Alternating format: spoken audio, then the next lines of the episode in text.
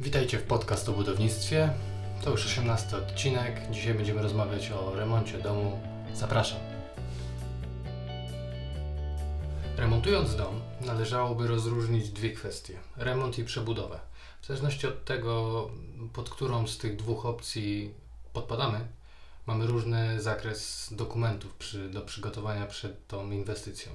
Remont w zasadzie nie wymaga dokumentów, chyba że jesteśmy, mm, mamy budynek objęty ochroną konserwatora. Mm, Natomiast przebudowa, przebudowa zwykle już wymaga. Nawet pozwolenie na budowanie tylko jakiegoś prostego zgłoszenia. E, A dzisiaj zajmiemy się remontem. Przebudowa za tydzień. e, W podcaście numer 19 w czwartek za tydzień. A więc tak, remont. Pamiętajcie zawsze przygotować projekt. Szkice, cokolwiek, porządny obmiar, inwentaryzacja, nawet własna, nie musicie zatrudniać architekta, projektanta. E, ważne, żebyście nad tym panowali.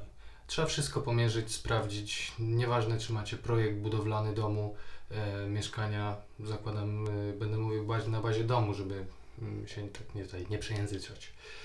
Mm, ten projekt prawdopodobnie nie ma nic wspólnego z rzeczywistością. Potem będziemy w ten sposób mogli sprawdzić, które ściany są działowe, które są nam niepotrzebne, co można wy- wyburzyć. Mówię o wyburzeniach dlatego, ponieważ jestem fanem otwartych przestrzeni, a nie tak jak się kiedyś projektowało, że wszystko było zamkniętym, osobnym pomieszczeniem z drzwiami i w zasadzie, jeżeli mogę, to wywalam wszystkie ściany działowe, bo są praktycznie niepotrzebne. W związku z czym inwentaryzacja jest do tego przydatna.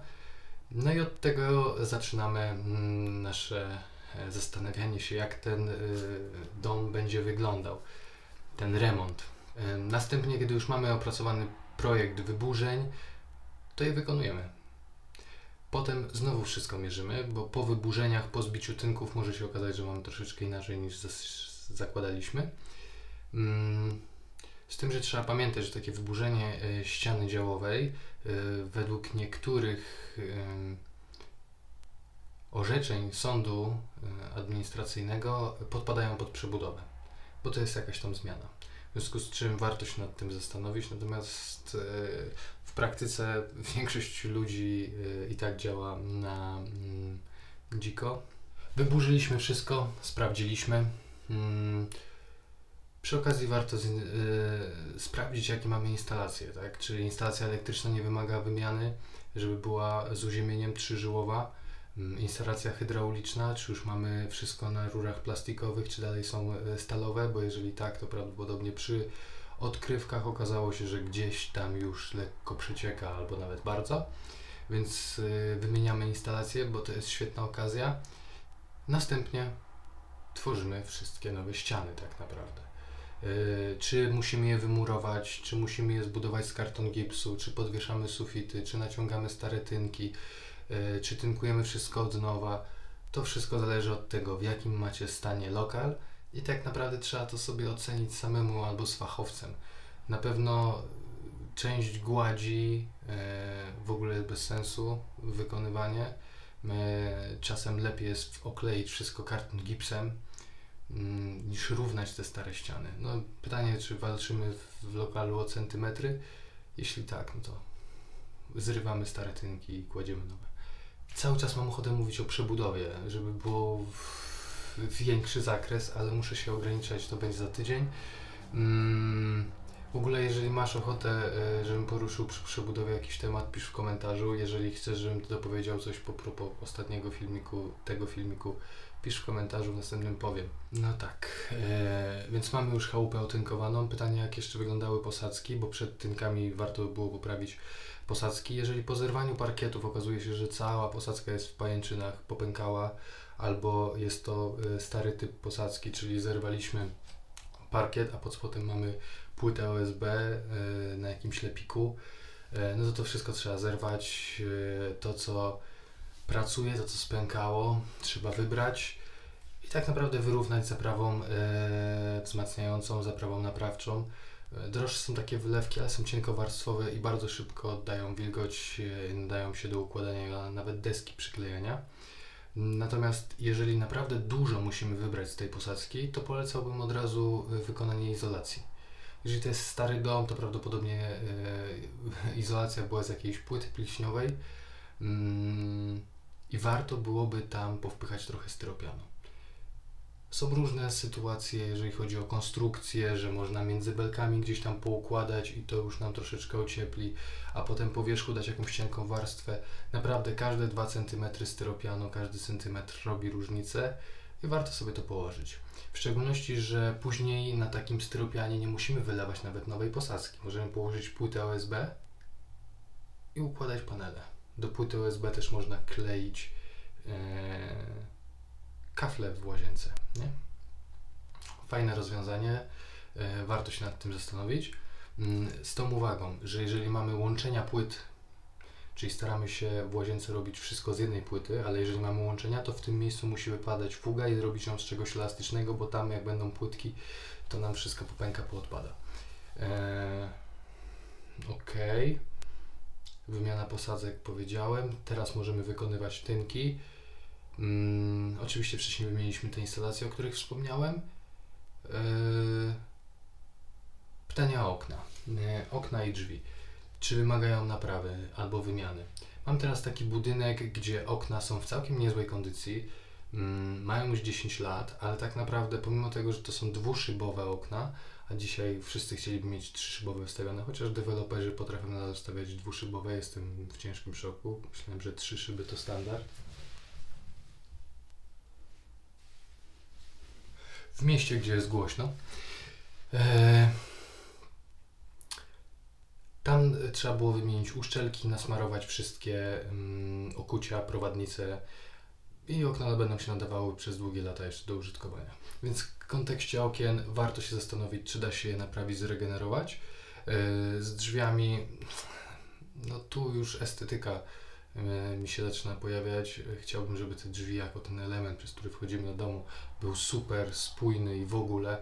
Mm, natomiast no tutaj też trzeba pomyśleć o kosztach, nie ma co wariować. Zahaczylibyśmy w takim razie o e, elementy związane e, stricte z remontem. Więc tak, mamy mm, posadzki i tynki i chcielibyśmy na to przykleić płytki. Pamiętajcie w łazience wykonać izolację przeciwwilgociową na posadzkach i na ścianach. Nie słuchajcie ludzi, bo nawet potrafią e, inżynierowie budownictwa mówić, że izolację wykonujemy tylko pod prysznicem, tylko pod wanną. Nie.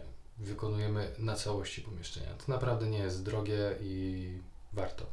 Trzeba pamiętać, że są specjalne taśmy do naroży, żeby to wszystko było porządnie zaizolowane. Jeżeli w posadzce jest przejście instalacji, e, czy na przykład wystaje e, odpływ od wanny, albo odpływ od kibla też tak potrafi wystawać e, z posadzki, to to wszystko trzeba porządnie zaizolować, e, bo to będzie potencjalne miejsce przycieku. Hmm.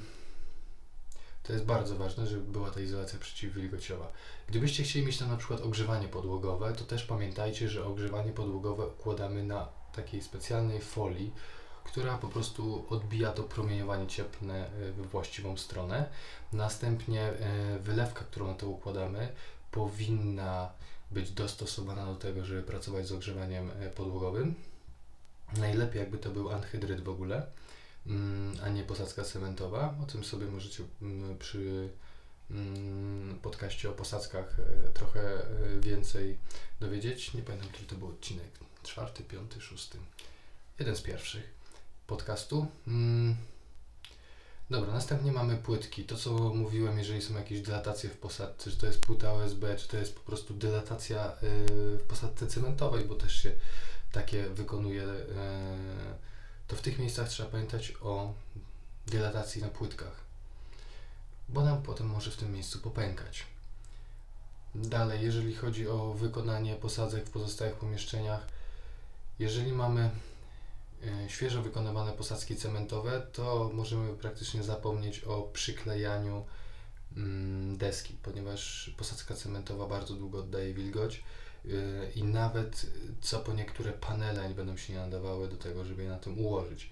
Więc e, ja z tego powodu mm, technologicznego jestem zwolennikiem paneli. Do tego, tak jak mówiłem, można położyć płytę OSB, a nie wylewać posadzkę i będziemy mieli mm, od razu wszystko na gotowo. Mm, tu mamy panele, farba.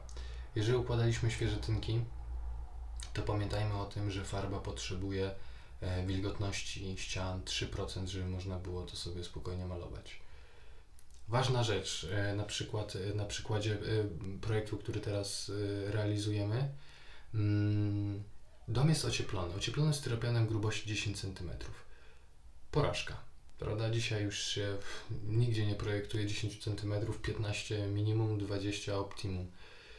I pojawił się pomysł, żeby nakleić styropian dziesiątkę i mieć właściwie ocieplony budynek. Z tym, że jest to niepoprawne technologicznie. Należałoby zerwać stary styropian i położyć nowy. Dwudziestkę. Nie w dwóch warstwach. Nie, wolno. Eee, dlaczego? Ponieważ jak mamy styropian, potem mamy klej i mamy mur. I cały pic polega na tym, żeby grubość styropianu była tak dobrana e, do warunków atmosferycznych najniższej temperatury zewnętrznej, żeby po drodze, kiedy ta temperatura idzie sobie przez ścianę, wzrasta, wzrasta, wzrasta i dochodzi do naszego lokalu, gdzie tam ma kilkanaście, kilkadziesiąt stopni, to żeby od tego minus 20, które potrafi być na zewnątrz, do tego plus 20 w środku, to żeby ten punkt 0 był w styropianie. I teraz, kiedy mamy jeden styropian, drugi styropian i ten punkt 0 akurat trafi pomiędzy te dwa styropiany do tego kleju, to go szlak trafi. Tak samo przy zbyt cienkiej warstwie styropianu, więc oczywiście te 10 yy, cm też może tak zadziałać, że ten punkt 0 wyląduje nam akurat Y, za styropianem, dostanie się do ściany, będzie wilgoć, albo wyląduje w kleju i tam nam zamarznie, odpadnie, cokolwiek, będzie się skraplało i szlak trafi ten styropian. Ale umówmy się, że jeżeli mamy już wyłożyć 60 tysięcy na remont elewacji, to chyba po to, y, żeby nam nie odpadło, bo jeżeli to, co mamy, ma odpaść, to poczekajmy aż odpadnie, albo od razu to zerwijmy. Taka dobra rada, jeżeli chodzi o ocieplanie budynków. E, docieplenie to nie jest dołożenie e, styropianu do styropianu, tylko dołożenie styropianu do muru. Hmm, hmm, hmm. Mam nadzieję, że ten wykład z fizyki budowli Was zachwycił. E, kolejny problem, jaki napotkaliśmy przy ostatnim remoncie budynku domu, był taki, że Chcieliśmy zrobić ogrzewanie podłogowe na całej posadzce, w związku z czym warto było dać tam grubą izolację w posadzce. E, no i tam już jest była izolacja oczywiście, był styropian 5 cm, co też na dzisiejsze e, normy jest e, mało. Chcielibyśmy, żeby było 10, fajnie jak było 15. Ja w strefie przycokołowej nawet daję 20, dwie dziesiątki. Tak, na posadzkach można układać warstwami. Tam się nie klei, tam się kładzie. Z tym, że tutaj okazało się, że ktoś pod styropianem dał tak twardy beton, nie jakiegoś chudziaka, którego można łatwo rozbić, tylko naprawdę solidny beton, mm, że nie opłacało się tego zrywać. Zerwaliśmy stary styropian, to co łatwo schodziło, posadzka i tak była do zerwania, bo trzeba było położyć ogrzewanie podłogowe. Y, poderwaliśmy też, podnieśliśmy, zerwaliśmy, wyrzuciliśmy stary styropian i położyliśmy styropian o najlepszych właściwościach yy, przy tej grubości, na jakie sobie mogliśmy pozwolić. No i pracuje. A, skoro jest ogrzewanie podłogowe, to płyta OSB odpada, nie? Jak ogrzewanie podłogowe, to tylko gres. Nie, że jakieś panele dają się. Nie. Gres. To jest też dobra okazja, żeby sprawdzić, jak działa nasza wentylacja. Ona powinna być super drożna. Można sobie doprowadzić jakieś instalacje, poprawić ten komin E, czy go przemurować, czy wymienić wkłady. E, no w tym kontekście jestem fanatykiem, ponieważ wiem jak uporczywe są e, sytuacje, kiedy tej wentylacji nie ma. Ostatnio sprawdzałem mieszkanie z rynku wtórnego do kompletnego remontu, gdzie okazało się właśnie, że nigdzie nie działa wentylacja. Oczywiście to nie jest tyle problem mieszkania, co całego bloku, ale kiedy mieszkamy w domu, no to to jest tylko nasz problem i trzeba coś z nim zrobić wezwać kominiarza i ustalić, jak to udrożnić. I bez żadnych tam, a bo to trzeba zrobić tak, tak, tak, ja tym się nie zajmuję, tylko wzywamy kominiarza, który od razu to zrobi i płacimy niejako za efekt. Nie? A, też właśnie w tym mieszkaniu z rynku wtórnego, mm, już na tynku, porządne, takie ogromne rysy. E, w sumie dwie, tak naprawdę jedna. pęknięcie e, ściany nośnej budynku. I kiedy macie coś takiego, to naprawiamy to. Nie tynkujemy pięć razy do roku, żeby nie widać było rysy, tylko naprawiamy. To jest bardzo ważne, ponieważ no to oznacza, że budynek w tym miejscu zapracował. Może trzeba podbić fundamenty, jeżeli to jest wasz dom jednorodzinny i coś tam spękało, e, to taki remont generalny jest świetną okazją, żeby rozbić kawałek posadzki w, w piwnicy czy w, na parterze. Mm, pytanie, czy macie, jak nie macie piwnicy, no to trzeba na parterze. E, odkopać kawałek muru i po prostu e, podlać to betonem. Wlać tam metr sześcienny i będzie z głowy. Nie? już w tym miejscu nie będzie usiadać pękać. A samo pęknięcie przemurować, czyli tak naprawdę yy, wybić stare cegły i wstawić nowe. Remont, dom jednorodzinny, a ja o dachu nie powiedziałem. To jest to. Właśnie w tym domu, który obecnie remontujemy, yy, są jaja. Są jaja jak berety. Ponieważ mm, nie widziałem projektu, na podstawie którego ten budynek powstał. Natomiast więźba, więźba to jest jakieś szaleństwo. Normalnie dach, to mamy prosty dach dwuspadowy, żeby mm, pracował, to jest po prostu z patyków połączony, prawda? I te patyki są co metr. 80, 90, 120, zależy jaki, jaki przekrój. Zwykle do metra mm, są te patyki porozstawiane, nazywamy je krokwiami. Natomiast w tym budynku krokwie owszem są, ale tylko do połowy wysokości dachu, a dalej jest pustka.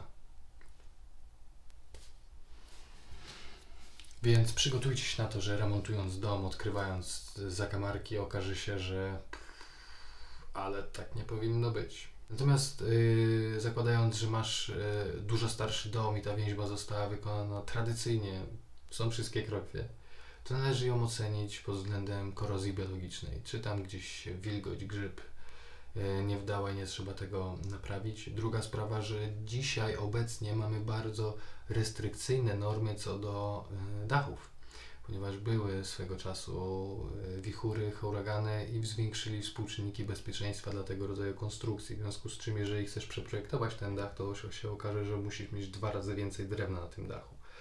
Miałem taki przypadek na przebudowie dachu e, na remoncie. To przebudowa z tego względu, że wstawiliśmy okno w dachu. Taka mała różnica, nie? Pierdoła, już trzeba pozwolenia na budowę. Mm, przy domku jednorodzinnym zgłoszenie wystarczy. Przebudowy przygrody zewnętrznej, jaką jest dach albo ściana zewnętrzna. I tam się okazało, że ten dach jest niewystarczający i trzeba było do każdej istniejącej krokwi dobić drugą, identyczną, nową, współczesną i w ten sposób dach był o wystarczającej wytrzymałości. Myślcie o tym, e, jak planujecie remont. Mm, dlatego też zawsze warto mieć do współpracy inżyniera, który to oceni. Niekoniecznie kierownika budowy, bo taki remont go nie wymaga, więc po co tworzyć papiery, a za każdą taką oficjalną pieczątkę płacimy dwa razy więcej niż za zwykłą poradę. A można wezwać takiego kierownika budowy na kawę, zapłacić mu dwie stówy i pogadać, co tam się dzieje na tym budynku. Niech oceni, niech coś podpowie. Więc ten dach należałoby ocenić, e, przecieki, e, sposób izolacji, uzgodnić to z jednym, drugim, trzecim wykonawcą, e, żeby podpowiedział, żeby się czegoś nowego dowiedzieć, żeby to wymyślić.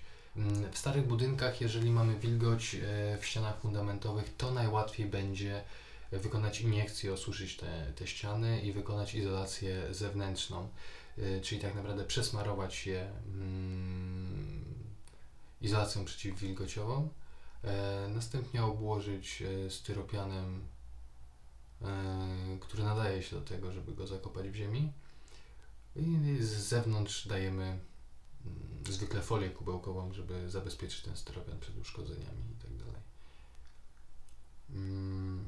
no bo większość starych budynków niestety ma wilgoć w piwnicach z tego właśnie względu, że ściany nie były izolowane albo były czymś tam przesmarowane, ale to wiadomo, to po, la, po wielu latach, jeżeli to nie było zabezpieczone jeszcze styropianem, folią, to ta izolacja przeciwwilgociowa tam mm, na wiele się nie zdała.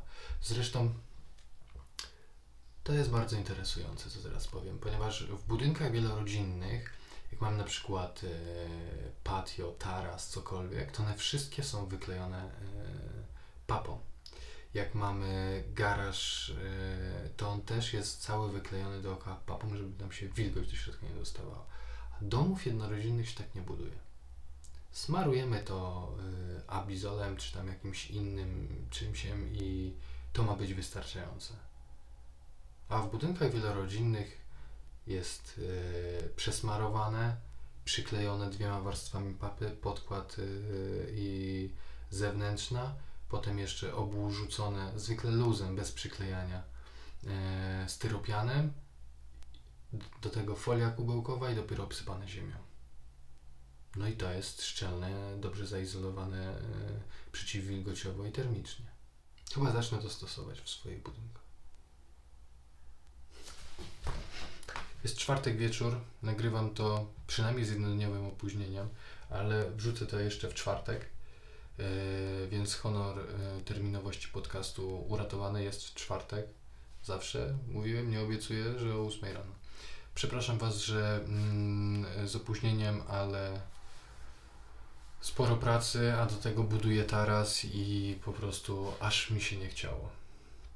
Mm, ale obiecałem, poza tym jeden z moich ulubionych tematów remonty, kolejny jest jeszcze bardziej ulubiony przebudowy.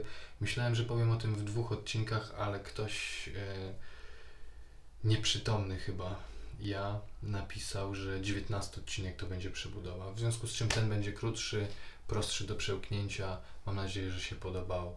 Stawcie łapkę w górę, zasubskrybujcie na przyszłość.